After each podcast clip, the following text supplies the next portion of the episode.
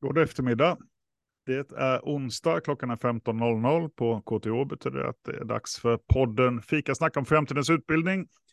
Där vi har ett, för ett kollegialt samtal eh, kring utbildning, utveck, utbildningsutveckling eh, i, i små, liten skala eller större skala. Eh, idag är det jag, Johan Fridell, på IT-avdelningen som är poddvärd och med mig har jag kollegan från Framtidens utbildning, Per Fagrell. Hej Per! Hej Johan! Hur är läget med dig? Det är bra, lite kallt. Jag har varit ute och skottat fram en bil och det, det känns att det är vinter nu. Det är verkligen vinter nu. Eh, och vi har också gästen Anders Johansson med oss. Välkommen! Hej! Hur är det med dig? Bilskottning? Det är jättebra med mig. Det är bra. Eh, jag sa det eh, i vårt försnack. Jag, jag har slagit vad med kollegorna om hur många soltimmar vi får. Tyvärr ser det ut som jag vinner och jag satsade på 16 soltimmar i november. Så den som lyssnar efterhand kan veta att november har varit ganska mörk. Men, eh, men vi tycks ändå ha ett visst hopp, alla tre här. Tvåsiffrigt är bra. Två, exakt, that's the spirit. Eh, Anders, eh, ja. skulle du kunna berätta lite om dig själv och din bakgrund? Innan vi ja. hoppar in på själva ämnet här sen. Ja, precis. Jag, är en sån här, jag har varit med på KTH i omgångar och länge. Eh, disputerade 2003 i energiteknik. Eh, oj, jag jobbar på ledningskansliet. Jag har ett uppdrag att på någon slags övergripande nivå utveckla KTH inom livslångt lärande, vårt erbjudande där egentligen, kan man säga. Men jag har ett ganska långt förflutet. Jag har gjort det här nu i sedan 90 men innan det så eh, var jag med och byggde upp KTH Education på den tiden det fanns. Ja. Så. Eh, och det vi ska prata om idag är liksom eh, benämningen eller etiketten på dagens samtal. Det är liksom egentligen livslångt lärande. Och ja. eh, vad det är och vad vi gör och vart vi är på väg och vart vi vill med det här området. Eh, jag skulle kunna börja med liksom att fundera på vad är det som ryms inom liksom etiketten livslångt lärande? Vad finns det där?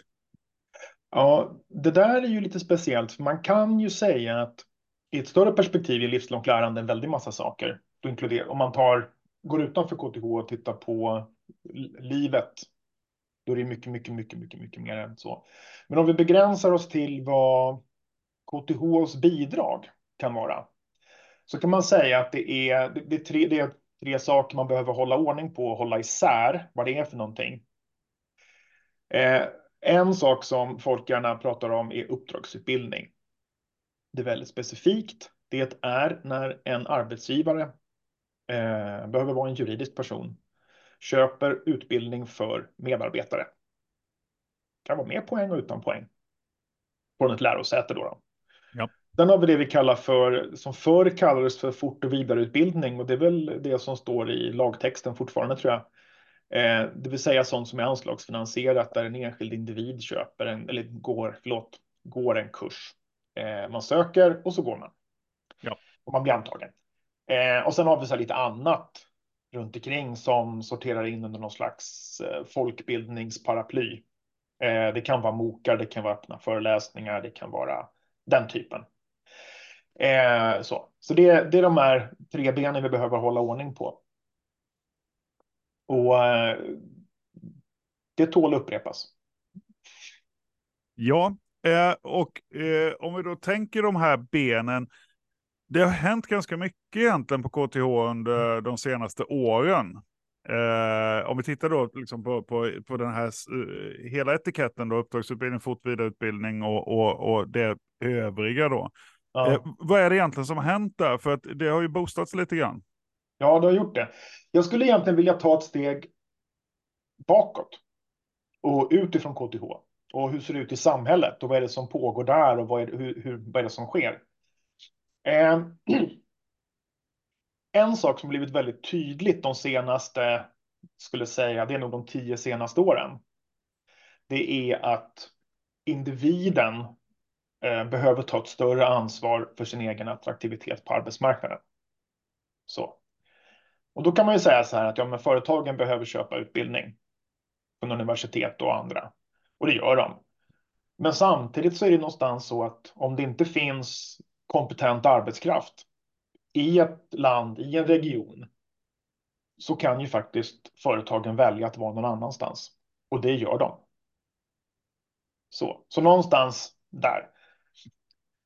Eh, problemet har väl då varit historiskt att vi har upplevt att vi äger inte frågan som finansiering för vidareutbildning för yrkesverksamma, sånt som betalas med anslag. Mm. Historiskt. Och när vi började dra i det här på hösten 2019 igen och diskuterade och satte upp en stor arbetsgrupp, då pratade vi, då började vi med uppdragsutbildning, alltså hur behöver det organiseras, hur ska processer se ut, hur ska man räkna på det, hur behöver våra standardavtal se ut, massa sådana saker. Det var, liksom, det var där vi började, för vi kände att den frågan äger vi, även om vi inte såg att det där egentligen någonsin har potential att bli kanske så jättestort. Mm. Eh, och sen lämnade vi in den där, mars 2020. Och ni kanske kommer ihåg, det var någonting som hände då. Ja, det, det hände olika saker. En sak hände, de, de flesta var medvetna om att någonting hände. Ja. ja, det hände någonting. Det kom en liten pandemi. Ja, en liten. Bam, sa det. Samma vecka som vi lämnade in så small det till och man stängde ner och det helt plötsligt så flyttades fokus till helt andra saker. Mm. Eh, och det som hände... Bara för bryta in där. Du menar ja. lämna in, menar du att, du läm, att ni lämnar någon underlag till rektor eller till någon... Vi lämnar en rapport till rektor och, ja. och universitetsdirektör, så det, det, finns en massa. Det ja. finns en rapport, eh, diarieförd och allting. Det var GA och massa som var med i den. Det kan vara värt att säga då att om uppdragsutbildning, så det omsätter ju två miljarder i Sverige, men nästan allt är ju polisutbildning och Försvarsmaktens köp av utbildning från Försvarshögskolan. Det är nästan allt. Sen är det kanske 10 procent kvar och utav det så är någonstans max 50 miljoner per år teknik på mm. någorlunda avancerad nivå. KTH hade förra året 17 utav dem 50. Mm. Så att det är inte något, det är liksom en pytteverksamhet. Mm. Men det som hände då, och här kommer vi in på nästa, liksom, varför, vad var det som hände och varför bytte man fokus? Eh, jag vet inte om det var i den vevan så bestämde man sig från, det var ju styrelsen i slutändan, att livslångt lärande aktiviteter skulle ju vara 20 procent av KTHs utbildningsverksamhet. Inte definierat 20 procent av vad, mm. utan 20 procent. Och då kunde man vara lite cynisk och säga så här, när, eller så kan man ju fortfarande vara när folk frågar, ja men vad är 20 procent av vilken storhet? Och då blir ju ett lite raljant svar man kan ge är att den dag vi har tvåsiffriga procent i någon mätbar storhet, då kan vi diskutera vad 20 procent är. Idag kan vi faktiskt diskutera vad 20 procent är. Mm. Men det som händer då i pandemin det är att med väldigt kort varsel så får vi ett regeringsuppdrag på flera år med finansiering, 100 procent HST. Mm. Mm. Eh, och det får effekter sen i långa loppet. KTH får ett uppdrag tillsammans med andra lärosäten, men KTH får väldigt mycket pengar jämfört mm. med de andra för att utveckla anslagsfinansierad vidareutbildning för yrkesverksamma.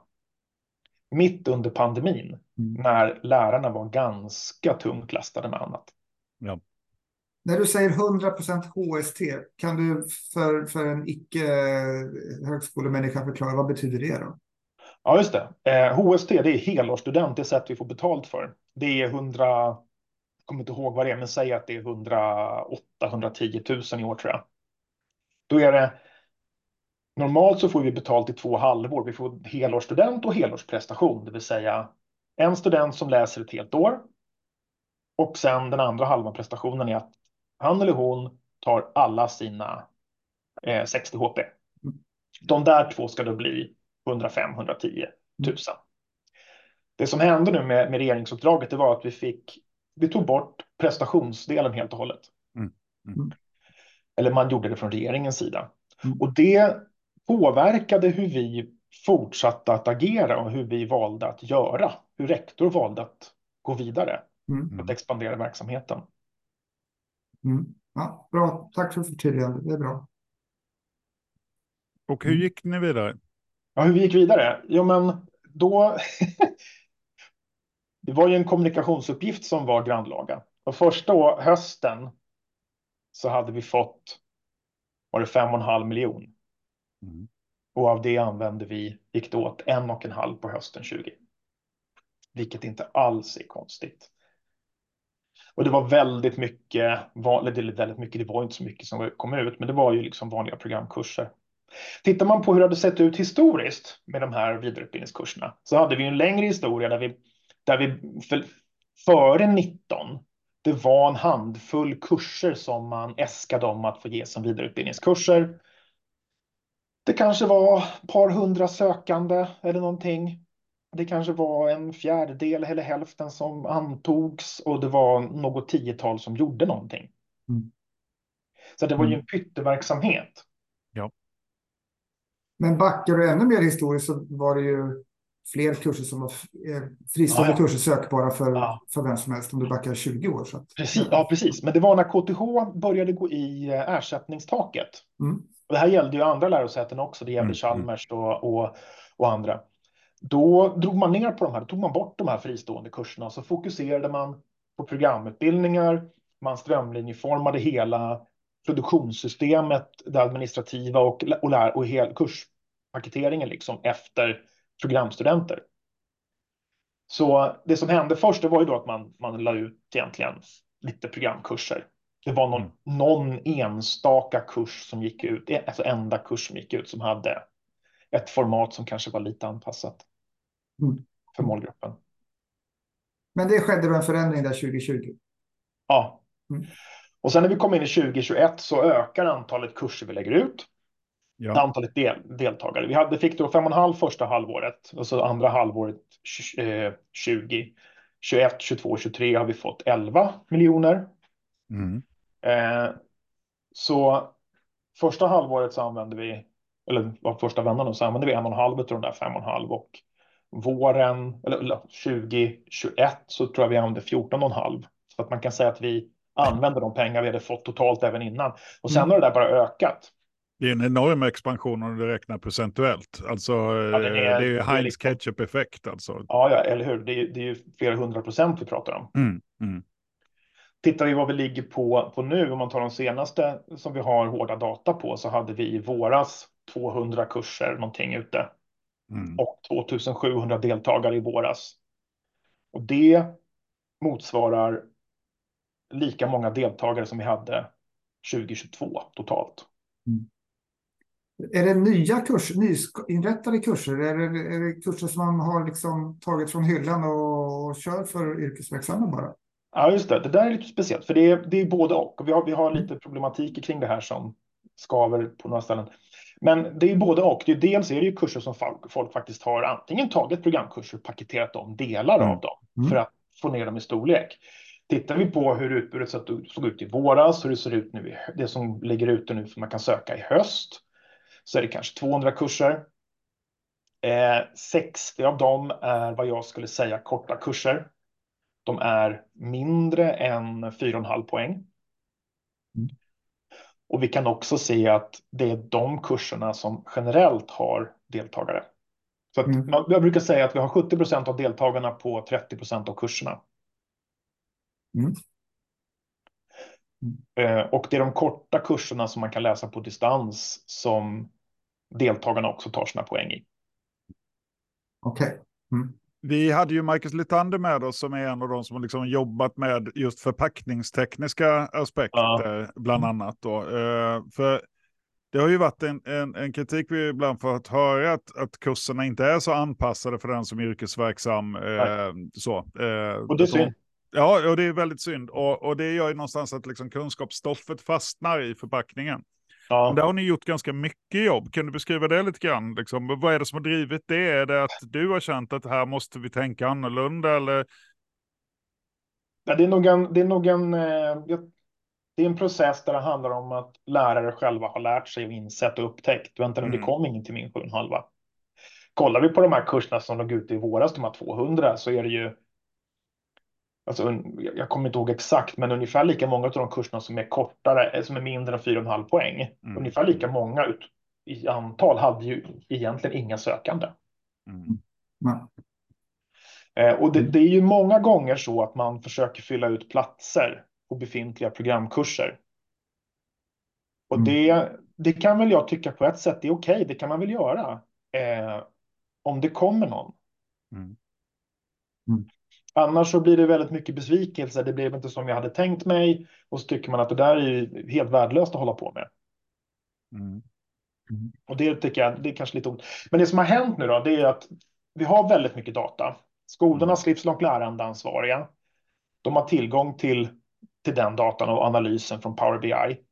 Eh, och de, eh, det är väldigt tydligt. Man kan gå ner på kursnivå. Man kan se hur eh, medelålder på deltagare och så där. Och allting. Så att vi har väldigt mycket data att gå på. Så att nu är det mer att nu behöver de få tid att nå ut i, på, sko, på respektive skola och på institutionerna där. Mm. För det är väldigt tydligt vad det är som fungerar och vad som fungerar mindre bra. Mm. Vilket stöd erbjuder KTH då till, till den som vill anpassa sin kurs, alltså baserat på erfarenheter, baserat på vilka kurser som söks och som har en hyfsad genomströmning av de här? Eh... Mm. Det är ju där det är lite tråkigt. Okej. Okay. För det är, det är inte speciellt mycket. Mm. Eh, samtidigt tänker jag att det finns så många goda exempel. Det finns goda exempel på varje skola. Ja. Det räcker ju långt. Det räcker väldigt långt och utifrån de goda exemplen så vore det ju underbart om vi kunde få till kollegiala samtal initierade av lärarna själva. Mm, mm. Men som det ser ut nu så behöver vi stimulera dem lite grann och ska väl se om vi kan försöka driva dem lite mer aktivt och få hjälpa dem att få igång dem. Mm. Eh, mm. Hur, hur bedömer du liksom, för det, nu har man ju fått igång någonting då. Eh, ja. hur, hur, hur, ser lång, KTH mer långsiktigt på detta? Är detta något vi kommer fortsätta driva som en, som en linje? Eh, alltså, hur, hur, hur ska fakulteten förhålla sig till, till det här fenomenet? Om ja. du får gissa. Eh, jag är ju då, kan jag anklagas för att vara räknenisse ibland, men jag skulle vilja gå tillbaka till pengarna. Mm. För det är någonstans, det är ganska centralt. Det som hände när vi fick, när vi började producera mer vidareutbildningskurser inom det här, det som annonseras och marknadsförs som det mm. Eh, och torgförs på det sättet. Det var att de pengarna vi fick från regeringen räckte inte till. Men samtidigt bedömde rektor att vi behöver fortsätta att alltså gå in egentligen med ett riskkapital för att minska den upplevda risken hos de enskilda lärarna eftersom det är så mycket bottom up på KTH. Så i det, på det sättet då så har det ju varit och det, det här är ju då anklagats för att vi har dopat systemet. Och det är helt riktigt. Vi har dopat systemet. Mm. Eh, men å andra sidan så insåg vi att vi måste få igång ett lärande ut organisationen. Och vi, jag, jag och andra såg inte så mycket andra möjligheter egentligen. Det där är inte långsiktigt hållbart. Mm. Så att det som händer nu är att vi ändrar ju ersättningsmodellen lite. Jag tänker inte gå in på detaljerna för att det är för mycket siffror och teknikaliteter. Ja, ja. Men det gör att de kurser som har vettig genomströmning till exempel, som är korta, de kommer inte att förlora väsentligt på det här. Mm. Däremot så kommer långa kurser med få, med få deltagare, låg, låg attraktivitet och egentligen ingen genomströmning på den här kategorin de kommer drabbas hårt. Mm. Men, om, man, om, man, ska säga någon förklaring, det betyder alltså att prestationsdelen av de här pengarna kommer att öka i, i, vid fortsatt ja, utbildning? Ja, det är en dubbelled. Man, man, det blir grovt sett ungefär samma modell som vi har för vanliga programkurser, ja. men ett belopp skjuts till per yrkesverksam deltagare. Mm. Mm, okay. mm. Och poäng. Men, men tillbaka till det som Johan är ute efter, lite vision och mål för KTH kring det här området. Ja. Det här målet som är, är eller var då 20 procent av någonting, vad det nu är. Ja. Är, det, är det det som är dags att, att spesa lite noggrannare vad det är där 20 procent är för något? Ja, eller, jag... eller, finns det andra mål och visioner nu? Jag tycker att man faktiskt kan börja, vi behöver ha den diskussionen nu. Mm. Därför att om vi räknar på antalet deltagare förra året så var det från 2765 Mm. Och räknar man huvuden som har varit aktiva i de här kurserna jämfört med de här 13 000 vad det är mm. programstudenterna vi får betalt för så är det ju faktiskt det är ju faktiskt 20 procent. Ja. Och jag säger inte att man ska räkna så. Jag säger bara att men nu har vi en, nu har vi en, en dimen, mätbar dimension som är det. Nu kan vi ta den diskussionen. Mm. Likadant som du säger 200 kurser. Vi har väl ett, eh, så här, ja. mellan tummen och pekfingret 2000 kurser totalt på KTH. Ja, minst. Jag tror mm. att det är ja, exklusive äh, examensarbeten. Ja. Så att ja, men då är vi uppe i 10 procent av mm. antalet kurser, hur man nu ja. definierar det. Då. Så ja. Att, ja, mm, visst. Uh, för det, det, här är en jättespännande utveckling. Då. För jag kan säga att när jag såg siffran 20 procent en gång i tiden, då satte jag kaffet i halsen då och, och funderade på, okej, okay, det krävs ju ren magi då. Men det, eh, eller att man tänker annorlunda då, visade det sig. ja. eh, för att eh, det som du säger, liksom, uppdragsutbildning som fenomen är ju eh, en randföreteelse för nästan alla lärosäten. Ja, hos oss är det 3 promille tror jag. Ja, Eh, och, och, mm. ska man skala det till 20 procent, då, då kommer det förmodligen bli jobbigt. Eh, ja. Men eh, och det är just det som är så, tycker jag, fascinerande med det här då, att här har man ju liksom hittat ett annat sätt. Och, jag menar det här med riskkapital eller såddkapital eller hur man nu ska se det då, ja. det är ju någonting man gör kortsiktigt för att långsiktigt förhoppningsvis kunna skörda tillbaka då. Så det, ja. det, det är ju inte en orimlig satsning för oss som som verksamhet egentligen om vi vill testa eller utveckla ett område där risken är stor. För det, det är mm. också historiskt varit ett problem att även om det har funnits en betalande kund så har det varit svårt att få buy-on från fakulteten att leverera ytterligare kurser med, ja. med väldigt lite incitament tillbaka till den ja. enskilda läraren. Då. Hur, mm. hur, hur ser attityden ut bland lärarna eller fakulteten idag eh, för de som faktiskt har då tagit en risk i det här? Det är nog ganska olika. Ja. Det, det, är nog både eh, att det tog ganska mycket jobb. Eh, men, men det där tänker jag, det kan vi ta lite, där kan man nyansera diskussionen. Om vi, kan, om vi tittar på om vi tittar på genomströmningen på kurserna, mm, mm. hur många som faktiskt tar sina poäng. Ja. Eh, då tänkte jag kanske fråga er så här, har ni någon, eh, någon uppfattning om vad, om vi säger kurser som är, det som funkar hos, eh, generellt då, det är ju kurser som ges på distans och som är någorlunda korta. Ja. Vad tror ni genomsnittet i genomströmning på de kurserna i Sverige på svenska lärosäten är? Ungefär. Har ni någon aning? Oj, ja, men det, är, det är det här som är kul med livesändning då, för att, eh, och att vi faktiskt inte du har, har inte en susning. Nej, jag skulle säga 22 procent. Och då är jag hoppfull. Nej, jag säger ja. 10 procent. Ja. Nej, men det är en 20-ish. Oh, bra Johan. Det är bra. Du, jag, Spelar du på tips, stryktips eller något? Vi kanske skulle slå våra påsar ihop. Jag gör Inga inte jag kan ingenting, men jag känner att jag vill hålla dig i handen. Ja, jag har många års erfarenhet av högskolesektorn, så jag får, får skylla på det då. Kvalificerad tur. Ja, och då, då, är det kul att kolla på. Om vi kollar på de, som, de här eh, ungefär 60 kurserna som har varit, som är då relativt sett korta och i huvudsak, inte alla, men i huvudsak går på distans. Mm. Då kan vi säga att då ligger vi på 40, 42 procents genomströmning på dem. Wow. Kollar vi på mm. dem som dessutom är paketerade så att man kan läsa dem på kvällstid. Mm. Och då spelar det ingen roll ifall det är en lärare med eller ifall de är helt flexibla. Mm. Så ligger vi på över 50. Ja, det är bra. Det är jättebra. Och då kan man ju fundera på vad beror det på då? Ja, tittar man på det mesta som är ute på det här sättet i övrigt så är det inte teknikutbildningar. Mm. Det är kurser som kräver allmän behörighet. Det betyder att det är ganska många som kan söka. Ja.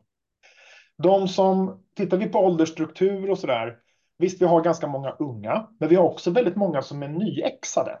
Ja. Mm. Det är väldigt många som inte har tidigare studier på KTH. Men en sak har de gemensamt. De har särskild behörighet. Ja. Och många av dem har dessutom behörighet att läsa kurser på avancerad nivå på KTH. Mm. Och vad betyder det då? Jo, men det betyder att Alltså, det betyder att de sannolikt har en civilingenjörsutbildning eller en högskoleingenjörsutbildning eller åtminstone väsentligen har det. Mm. Så, Så de är väldigt, våra studenter som, som läser på vidareutbildningskurserna, de har studievana. Mm. De, är de, har de en civilingenjörsexamen eller, eller i närheten av det, så, eller högskoleingenjör och motsvarande då, så eh, får de dessutom ofta utbildning i sitt jobb, vilket betyder att de dessutom är vana vid att de har fortfarande en studievana kvar, mm. fast de är 42. Mm. Mm. Och det gör att vi har ett ganska tacksamt läge egentligen. Men det, det säger någonting om studievana och de som är, har yrkesbakgrund och liknande. Vi har inte så himla många minuter kvar, men vi måste på något sätt nämna omställningsstudiestöd. Ja. Vad innebär det för KTH och är, är vi en bit av den kakan eller inte? Eh, oj, omställningsstudiestödet kanske jag ska berätta vad det är, för det är nog kanske inte alla som vet det. Jag ska dra det jättesnabbt.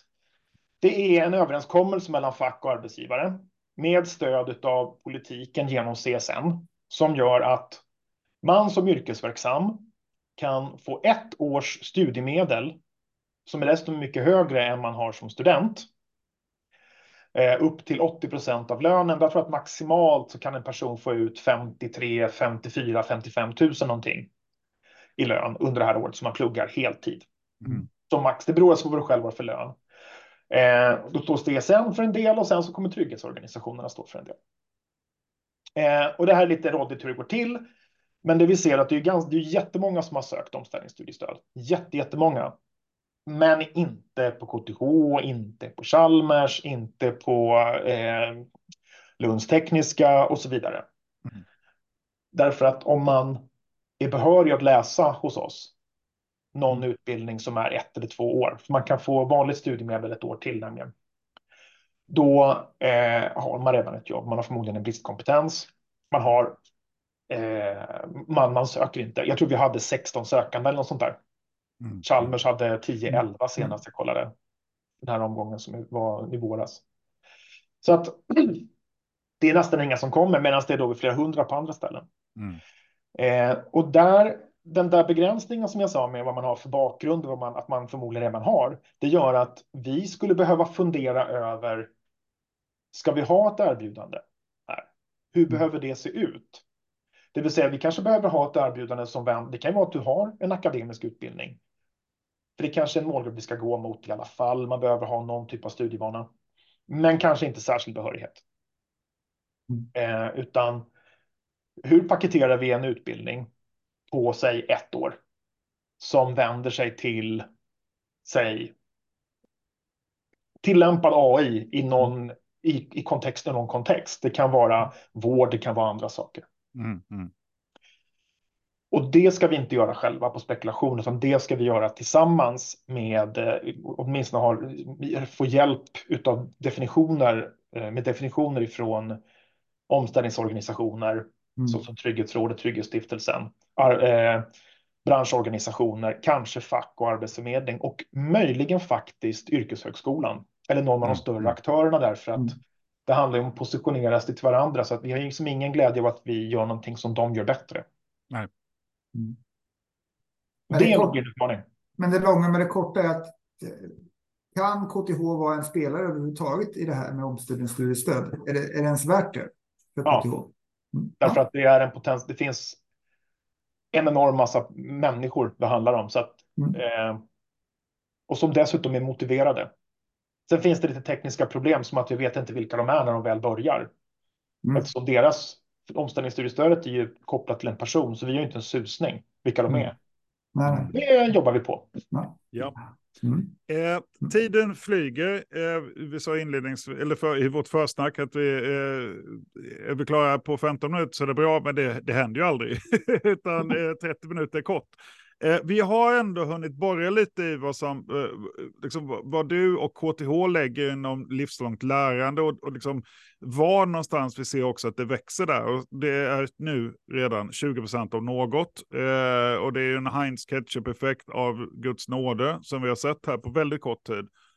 Eh, och sen får vi väl se lite eh, liksom hur, hur fortsättningen ser ut då eh, riskkapital eller såddkapital versus eh, liksom också någon modell där vi naturligtvis eh, måste välja ut vilka delar vi satsar på. Ja. Eh, mm. vad, vad, vad, tror du själv vad du ska spå i kulan här? Då, liksom, eh, i, i, relativ närtid, vad, vad, vad ser du kommer hända? Det som kommer hända i kommande året är att antalet utbudet av kurser kommer minska i antal, men det kommer i första hand vara kurser som egentligen ändå inte någon söker, som mm. försvinner. Mm. Ja. Eh, rimligen. Eh, antalet deltagare kommer sjunka något, men inte så den totala produktionen av HST som man ändå står för kommer inte påverka speciellt mycket, tror jag. Eh, sen så behöver vi utveckla andra ben inom de här utav uppdragsutbildning och, och så. Mm. Eh, och inkludera det. Det kan vi också göra och gör vi det så kan vi se att vi har 1400 deltagare på en MOOC bara senaste halvåret. Mm. Det finns många sätt att räkna på. Ja. Mm. Ja, men, superspännande. Jag, jag måste säga jag är imponerad både det, över hur volymen har vuxit men också att genomströmningen är så pass god. Eh, det, det, det, är klart imponerande. Jättekul att få höra eh, lite mer om detta. Eh, det finns också på intranätet eh, information om eh, livslångt lärande. Eh, så där, där, kan man också se mer detaljer. Mm. Eh, vi får kanske anledning också att återkomma och lyfta den här frågan igen längre fram, Anders. Eh, ja. Det vore jättekul att se vad, vart vi, liksom, att få följa hur utvecklingen mm. ser ut. Mm. Mm. Eh, men med det så får vi tacka dig så hemskt mycket för att du tog dig tid. Eh, denna numera, det var ändå en solig novemberdag eh, så här 2023. och varmt lycka till med allting som ligger framför dig. Tack. Tack Johan.